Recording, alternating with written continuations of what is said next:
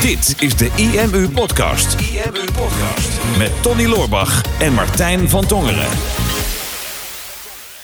Wat is jouw grootste angst als ondernemer, Tony? Mijn grootste angst Jouw grootste angst? als ondernemer. Ehm, oh, dat vind ik een moeilijke vraag. Mijn grootste angst was altijd om, eh, om failliet te gaan. Maar dat is niet zo, dat is niet zo eh, actueel. Nee. Ik, maar ik denk wel misschien de grootste angst dat ik een keer in zo'n uitzending een keer iets zeg wat, wat niet kan. of eh, een grapje maak wat dan net verkeerd valt of wat dan ook. En dat dat viraal gaat en eh, dat ik dan op alle programma's kom. En eh, dat ik dan ontmaskerd word. Dat is mijn, mijn grootste angst. Tony Loorbach ontmaskerd. Dus als Ja. jij een nachtmerrie hebt, dan is dat, zijn, zijn dat de headlines. Niet Tony Loorbach failliet, maar Tony Loorbach ontmaskerd. Ja, of ontmaskerd is niet een goed woord. Nee. Hè, maar ik merk wel gewoon, hè, we beginnen eh, met IMU, we hebben met de podcast en met de video's en dat soort dingen wel groter bereik. Ik zit er natuurlijk ook in die andere podcast met die psychologie van succes. En dat ernaar te kijken, daar luisteren gewoon echt iets van 6, 7, soms 8000 euro, 8000 Euro. mensen. Oh, waar het hart vol van is, hè, loopt Ja. de mond van over. Maar eh, eh, 7, 8000 mensen per aflevering na. En als je daar niet al te lang over nadenkt, dan, dan kun je lekker gewoon zijn wie je bent. Maar als je dat gaat inbeelden, hoeveel mensen dat zijn. In een zaal, hè? stel je voor. Ja, echte mensen. Dan, dan komt er wel een beetje, er komt wel een beetje druk op, zeg maar. Dus het bereik wordt wat groter. En dan denk ik van, het zal een keer gebeuren dat ik iets zeg wat, wat niet gewaardeerd wordt. Ehm, en, en dat ik daar een probleem mee krijg. Dus die angst die heb ik ergens wel, ja. Ja, Heb jij ja. dat niet? Nee, nee, valt op zich wel mee. Ik, ik probeer er ook niet te lang bij stil te staan. Nee, dan oh, cool, probeer ik je dit nu aan te praten, deze angst. Nee, dat gaat niet lukken. Gedeelde smart is halve smart. Ja, dat is wel waar. Nee, nee ik, ik heb eigenlijk ja, als, dus tot nu toe heb ik niet echt verkeerde dingen gezegd. Ik denk, ja, ik heb één keer voor de, voor de seminargroep een keer een grapje gemaakt wat niet kon. Ja, Jij ook. Maar dat waren dan eh 200 mensen, dus dan is dat wat, eh, niet zo erg. dat is wat minder erg. Ik denk, ja, als we zo'n grap nu online zouden maken, dan zouden we dat er waarschijnlijk gewoon uit laten knippen. Weet ik niet. Dat, eh, dat Ja, het hangt, hangt er vanaf. Ja, het, ja, het, hangt, het hangt een klein beetje van. Ik weet nog wel dat, dat wij bij een van onze podcast-afleveringen. dat ik toen een keer een opmerking heb gemaakt. dat ik dacht, oeh, ik weet niet of die wel kan. Jij, jij weet waarschijnlijk waar ik het over, eh, over heb. Ja, ik weet niet Over meer iets, precies. Iets in Nashville. Ja, Toen, ah, ja. zaten, ja. toen zaten we in een, eh, in een hotel. En toen heb ik een opmerking gemaakt van. Ja, ik, ik bedoel er niks verkeerds mee. Maar ja, het, Mhm. zou, het zou verkeerd geïnterpreteerd kunnen worden. Mhm. Maar nee, ik heb daar niet langer dan, eh dan 10 minuten er met jou over gehad. En daarna was ik dat weer, weer kwijt. Ja. Maar ja, wie weet als we inderdaad met 10.000 mensen of 100.000 mensen bereiken. dat je er anders over nadenkt. Nee, die angst valt mee. Ja. Maar waarom deze vraag? Ik heb namelijk ook een vraag gekregen van, eh, van Jasper. En Jasper die zegt. ehm, gisteren heb ik eh, met iemand van jullie team gesproken. om aan de slag te gaan met IMU Premium. Ehm, maar ik, ja, ik twijfelde nog een beetje. En er werd gevraagd wat mijn grootste angst was om te beginnen. En mijn grootste angst om te beginnen is de Belastingdienst, Wauw. was het antwoord. En dat is op te lossen met een boekhouder. Maar hoe vind je een goede boekhouder en waar moet je op letten als je nul verstand hebt van boekhouden? Is, Oh ja. Was vervolgens de vraag. Toen heb ik even doorgevraagd aan Jasper. Hoe bedoel je dat, de angst, dat jouw angst de Belastingdienst was? Toen zei hij, ehm, nou, de boekhouder kan het probleem oplossen, waardoor de Belastingdienst niet achter me aankomt met grote bedragen. Nou, Ja, de Belastingdienst komt meestal niet met grote bedragen achter je aan. vooral dus meestal moeten die grote bedragen van jou komen. ja precies. Zou mooi zijn als die grote bedragen... Kom maar op. Meestal ze- heel veel blauwe brieven die ik van ze krijg. Ja, daar hebben ze wel een handje van, ja. Ja, maar ik wel grappig om te zien van de grootste angst. Of nou, grappig is natuurlijk vervelend dat dit je angst is, Jasper. Mhm. Maar als jouw grootste angst de Belastingdienst is. Met grote bedragen dat ze achter je aankomen. Mhm. En dat je dan meteen heel erg in de details legt van oké, dan moet ik dat probleem gaan oplossen. Maar als het goed is, als je wil gaan ondernemen of ergens mee aan de slag wil gaan. Mhm. Dan is dat niet omdat je de Belastingdienst wil, wil gaan knuffelen of gaan stoeien met de Belastingdienst. Meestal wil je gaan ondernemen omdat je een product hebt of een idee hebt. En je wil dat op de markt zetten en je wil daar mensen mee gaan helpen. Mhm. En om dan in zo'n detail te gaan inzoomen van... ik heb dan een boekhouder nodig, want ik ben bang voor de Belastingdienst. Ik denk dan ben je aan het inzoomen op een klein stukje van het ondernemerschap... waar je Mhm. eigenlijk helemaal niet mee bezig zou moeten zijn op dit moment. En dat zie ik wel meer bij ondernemers, dat die ergens bang voor zijn... of dat nou een reële of een onreële angst is. Mhm. Dat ze dan heel erg gaan focussen op een klein detail... wat eigenlijk niets te maken heeft met hetgene waar je, waarom je bijvoorbeeld ondernemer bent geworden... of waarom je aan het doen bent wat je aan het doen bent. Ja. ja, maar angst is ook. ehm, het fijne van angst is. Het, angst is nooit een bestaand iets. Hè? Angst is altijd fictief. Of hè, je bent bang dat er, dat er iets gaat gebeuren wat nog niet gebeurd is. Ehm, of dat iets zich gaat herhalen wat ooit eerder gebeurd is. Eh, maar het is een fantasie. in, eh, in je hoofd. Ja. Dat, dat is mooi, hè? want dat heb je zelf gecreëerd. Want het is er nog niet. Dus als je het zelf kan creëren, dan kan, je, dan kan je het in principe ook zelf wegnemen. Dat is op zich een hele geruststellende gedachte. En of dat nou de angst, nu is dan de angst voor de Belastingdienst, dat redelijk afgebakend is. Dat kan je makkelijk oplossen door een boekhouder te zoeken. Hè? Dan, dan verleg je eigenlijk de angst, dan heb je het vertrouwen in een ander. Maar ehm, vertrouwen is daar gewoon wel het sleutelwoord. Ja. Hè, dat is een prachtige uitspraak van Martin Luther King. Eh, angst klopte op de deur, vertrouwen deed open en zag niemand staan.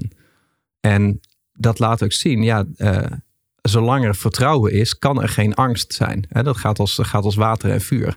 Dus als je aan jezelf merkt van nou, hey, ik heb een bepaalde angst ergens voor. Ehm, net zoals hè, het voorbeeld wat ik dan net noem. Nou, weet ik niet of dat bij mij een hele reële angst is. Maar ja, je overvalt mij ermee. Dus ik gooi het Mhm. maar even in. Dat, dat is nog niet gebeurd. Hè? Dus dan ga ik kijken van nou, ben ik daar nou echt bang voor? Ehm, waarom is dat dan precies? Hè? Wat ben ik bang dat er gaat gebeuren? Waar, heb ik geen controle op? En hoe zou ik het vertrouwen kunnen vinden dat dit niet gebeurt? Hè? Waar moet dat vertrouwen van komen? Hè? Dat vertrouwen kan extern komen. Dus van een boekhouder die zegt van... ik zorg ervoor dat dit goed komt. Dat de Belastingdienst niet achter je aankomt met grote bedragen. Ehm, of je vindt het vertrouwen in jezelf. En, en, dat, en dat, is een iets, dat is een iets moeilijker iets. Ehm, en ik heb gemerkt dat op het moment dat je onder stress staat... ehm, dan, is, dan is angst vaak meer aanwezig. Ja. Hè, en op het moment dat je rustig bent niet. En dat, dat is breintechnisch is dat heel makkelijk uit te leggen. Hè, angst, dat, dat komt vanuit dat, dat prachtige stukje in ons brein, die, eh, die amandelkern, eh, onze amygdala. Hè, daar hebben wij het in eh, eerdere podcast en seminars ook wel eens over gehad. Ehm, omdat je die in online marketing is dat ook een krachtig wapen. Maar dat is eigenlijk het verzamelpunt waar ehm, negatieve emoties worden opgeslagen, negatieve herinneringen. En daar zit ook, daar zit ook angst. En je merkt dat op het moment dat je goed functioneert, als je niet gestrest bent, dan, dan wordt zo'n amygdala wordt, wordt geremd door jouw hogere breinfuncties. Dus ofwel door bijvoorbeeld je hippocampus, dat zit in wat hoger stuk van je brein, dat gaat over je geheugen, die jou eraan herinnert dat het verleden heeft uitgewezen dat die angst bijvoorbeeld niet terecht is. Hè? Dus dan wordt die geremd. Ehm, of bijvoorbeeld eh, door je frontale lob, waar meer ehm, je zelfreflectie zit. Hè? Of ehm, je, je sociale eh, contact hè, of empathisch vermogen of, of analyse. En dat is zeg maar eigenlijk de wat meer objectievere variant. Die ook tegen jou zegt van nou, hè, tegen jouw amygdala zegt van jij bent nou wel heel angstig, maar dat is niet terecht. Hè, want objectief gezien is die angst niet terecht en dan wordt het onderdrukt. Maar op het moment dat je gestrest bent, dan gaan die hogere breinfuncties gaan minder goed functioneren. En dan krijgt zo'n amygdala de vrije loop. En die gaat dan je brein beheersen. Dat is een heel smichterig klein stukje in je brein. En alleen al door er op die manier over na te denken, hielp mij altijd heel erg door te weten van oké, er is gewoon echt een plek in mijn brein waar deze angst nu vandaan komt. En ik laat die angst toe in mijn leven. En het enige wat ik hoef te gaan doen, is die angst terug te gaan dringen met iets van ratio. Hè? Dus iets met eh, vertrouwen eh, of iets van zelfreflectie of iets van objectiviteit. Om mezelf te vragen van hoe reëel is deze angst nu eigenlijk? Hè? Kan dit daadwerkelijk uitkomen? Kan dit daadwerkelijk zo gaan gebeuren? En als het zo gaat gebeuren, wat had ik er dan op dat moment eventueel mee kunnen doen? En dat, en dat, dat geeft best wel een mooi angstvrij leven. Ja, ja want ik, grappig wat jij net aangaf van, hè, vroeger was ik bang om, om failliet te gaan, nu niet meer. Dat komt omdat je nu veel meer vertrouwen in de business hebt dan de business die je, eh, die je vijf jaar geleden had staan natuurlijk. Ja. En dat, dat zorgt ervoor dat met vertrouwen dat die angst er niet meer is. Mhm. En ehm, het, stukje, het stukje angst vermijden of, of niet angstig zijn.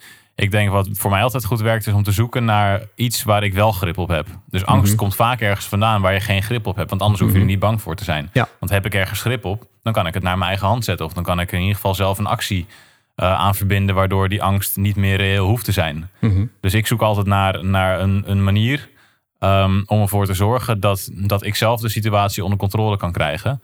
Eh, of dat ik weet dat er inderdaad iemand anders is... die uh, die, die situatie onder controle krijgt. Ik bedoel, ja... Um, als je kijkt naar onze techniek, onze software, wij kunnen allebei niet programmeren. Mhm. Wij zijn allebei geen serverbeheerder. Um, de, het, het, is wel eens voorgekomen dat de servers bijvoorbeeld heel eventjes down waren. Ik denk, nou, dat is een grootste nachtmerrie van iedere software-eigenaar. Uh, maar ja, je weet ook als je met software werkt, dan kan dat soms gebeuren.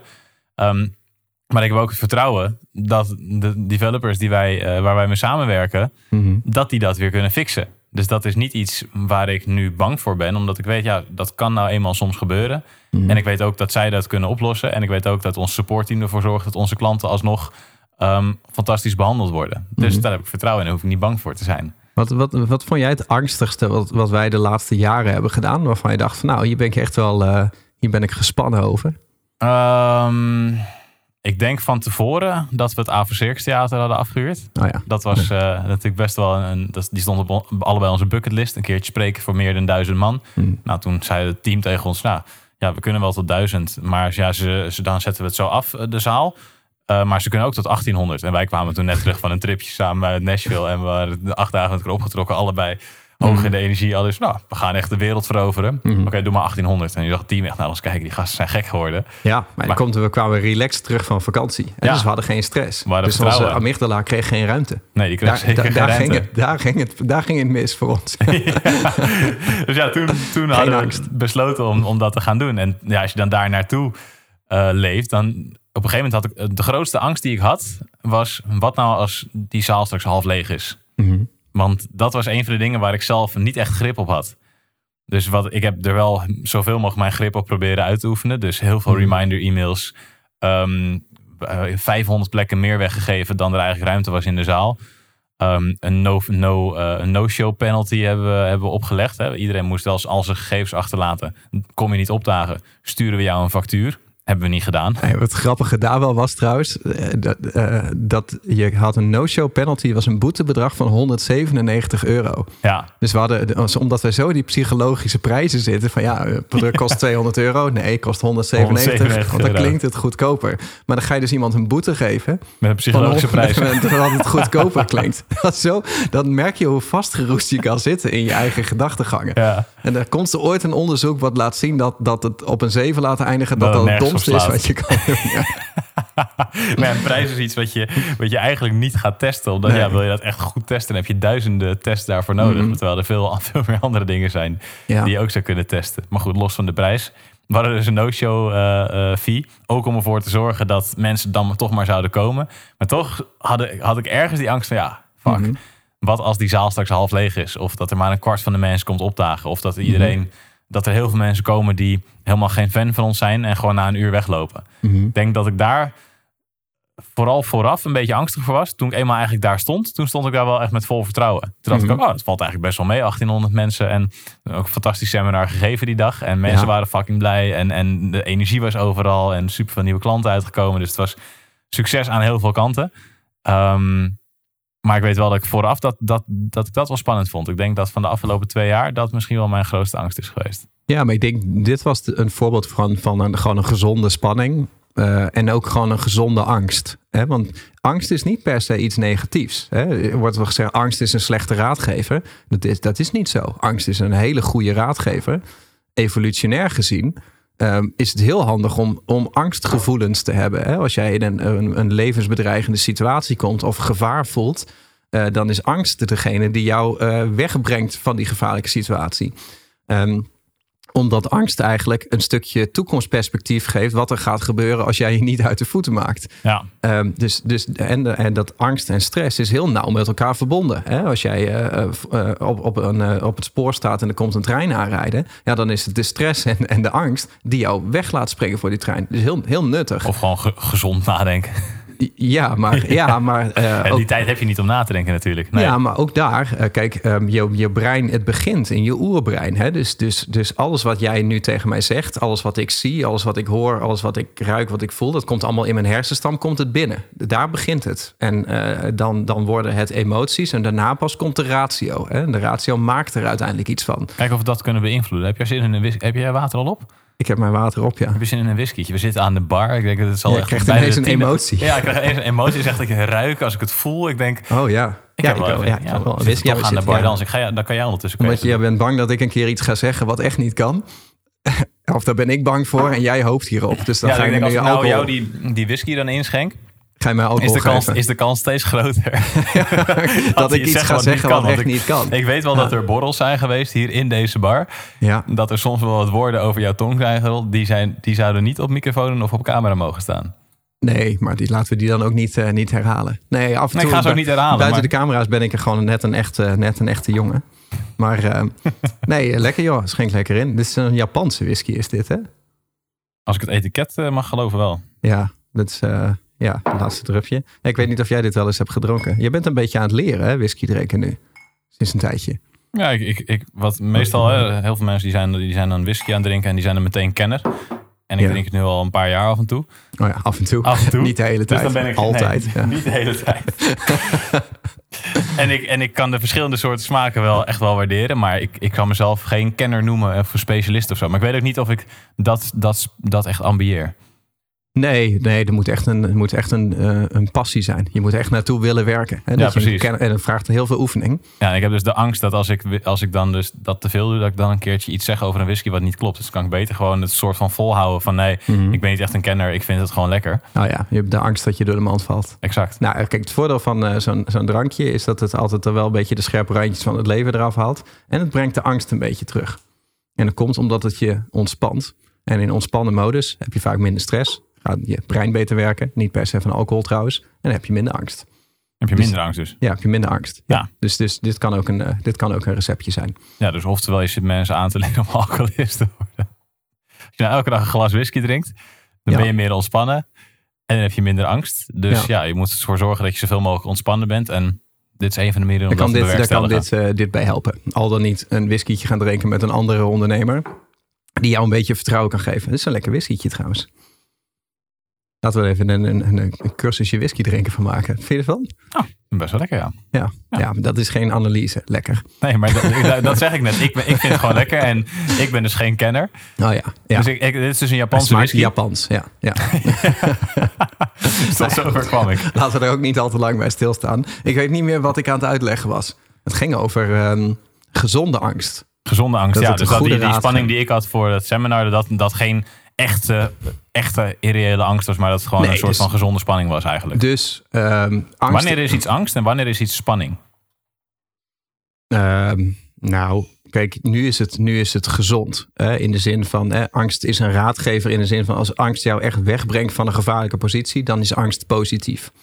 Ehm, als er een gezonde spanning in zit, in deze zin van hè, ik ben eh, bang dat ik misschien niet goed eh, presteer, ehm, dan verhoogt het je adrenaline-niveau, het verhoogt je cortisolniveau, het zet je zintuigen op scherp.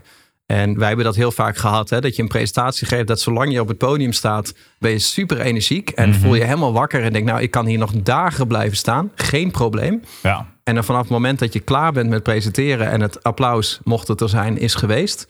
En je stapt van het podium af. Bij mij komt er dan echt soms net alsof er een hooibal op mijn hoofd valt. Echt gewoon bof, weg. over Ava Circus Theater gesproken. Ik weet nog dat ik toen dacht, oh, die jongen die moet naar huis dragen volgens mij. Ja, ik kon Zo. met de ambulance afgevoerd worden.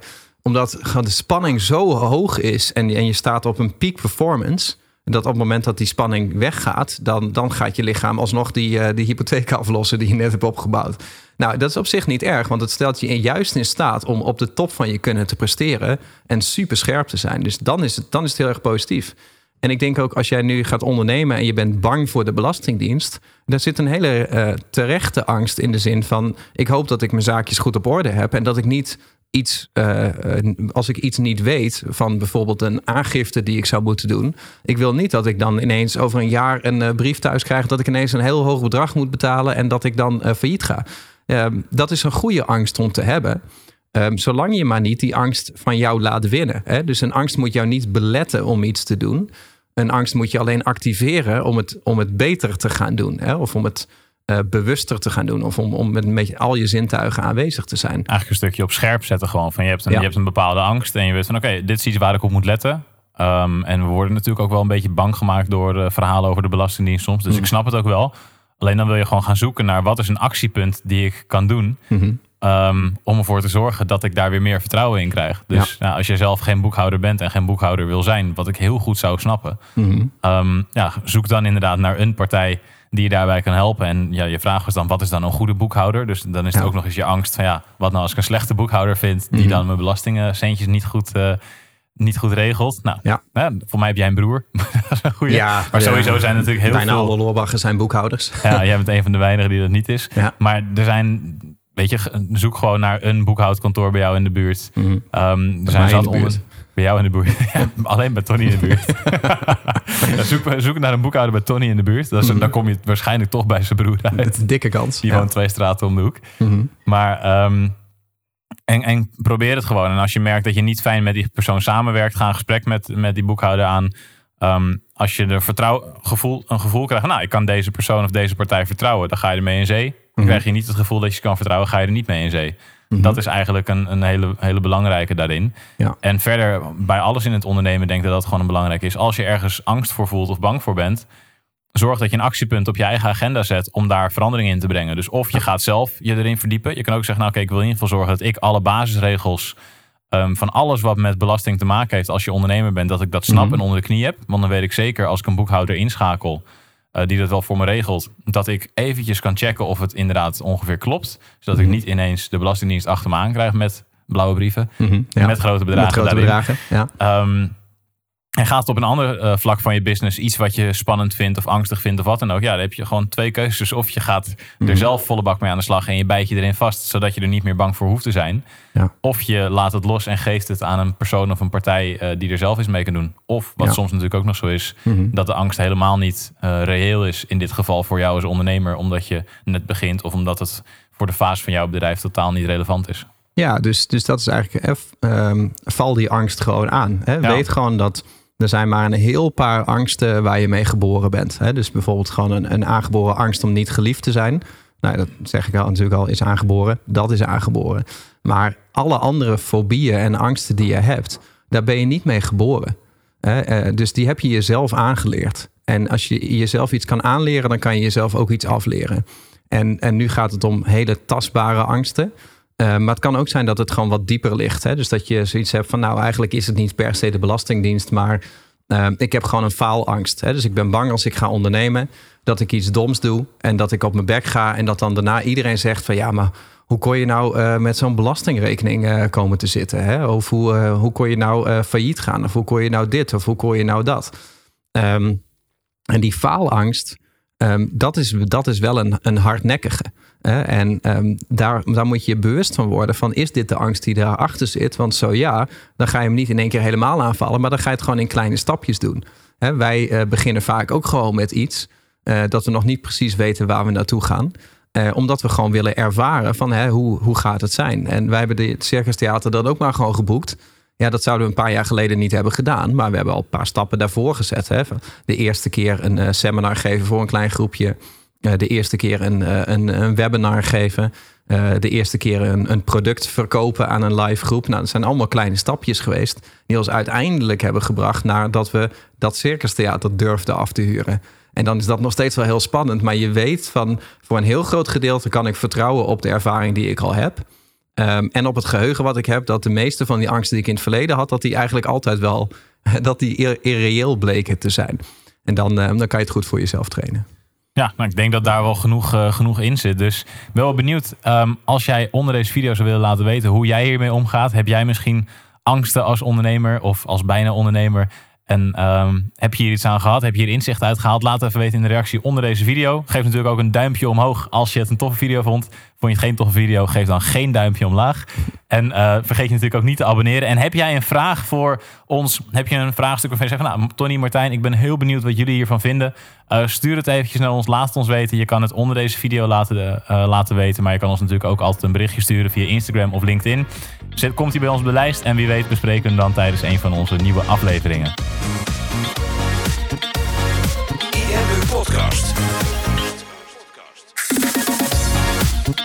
Super tof dat je hebt geluisterd naar de IMU podcast. Ik hoop dat je dit waardevol vond en dat je er inzichten uit hebt kunnen halen voor jezelf en voor je eigen business.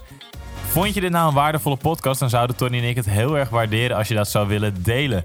Enerzijds door dat bijvoorbeeld te delen via je eigen Instagram of via LinkedIn. Door een screenshot te maken van je telefoonscherm en ons daar even in te taggen.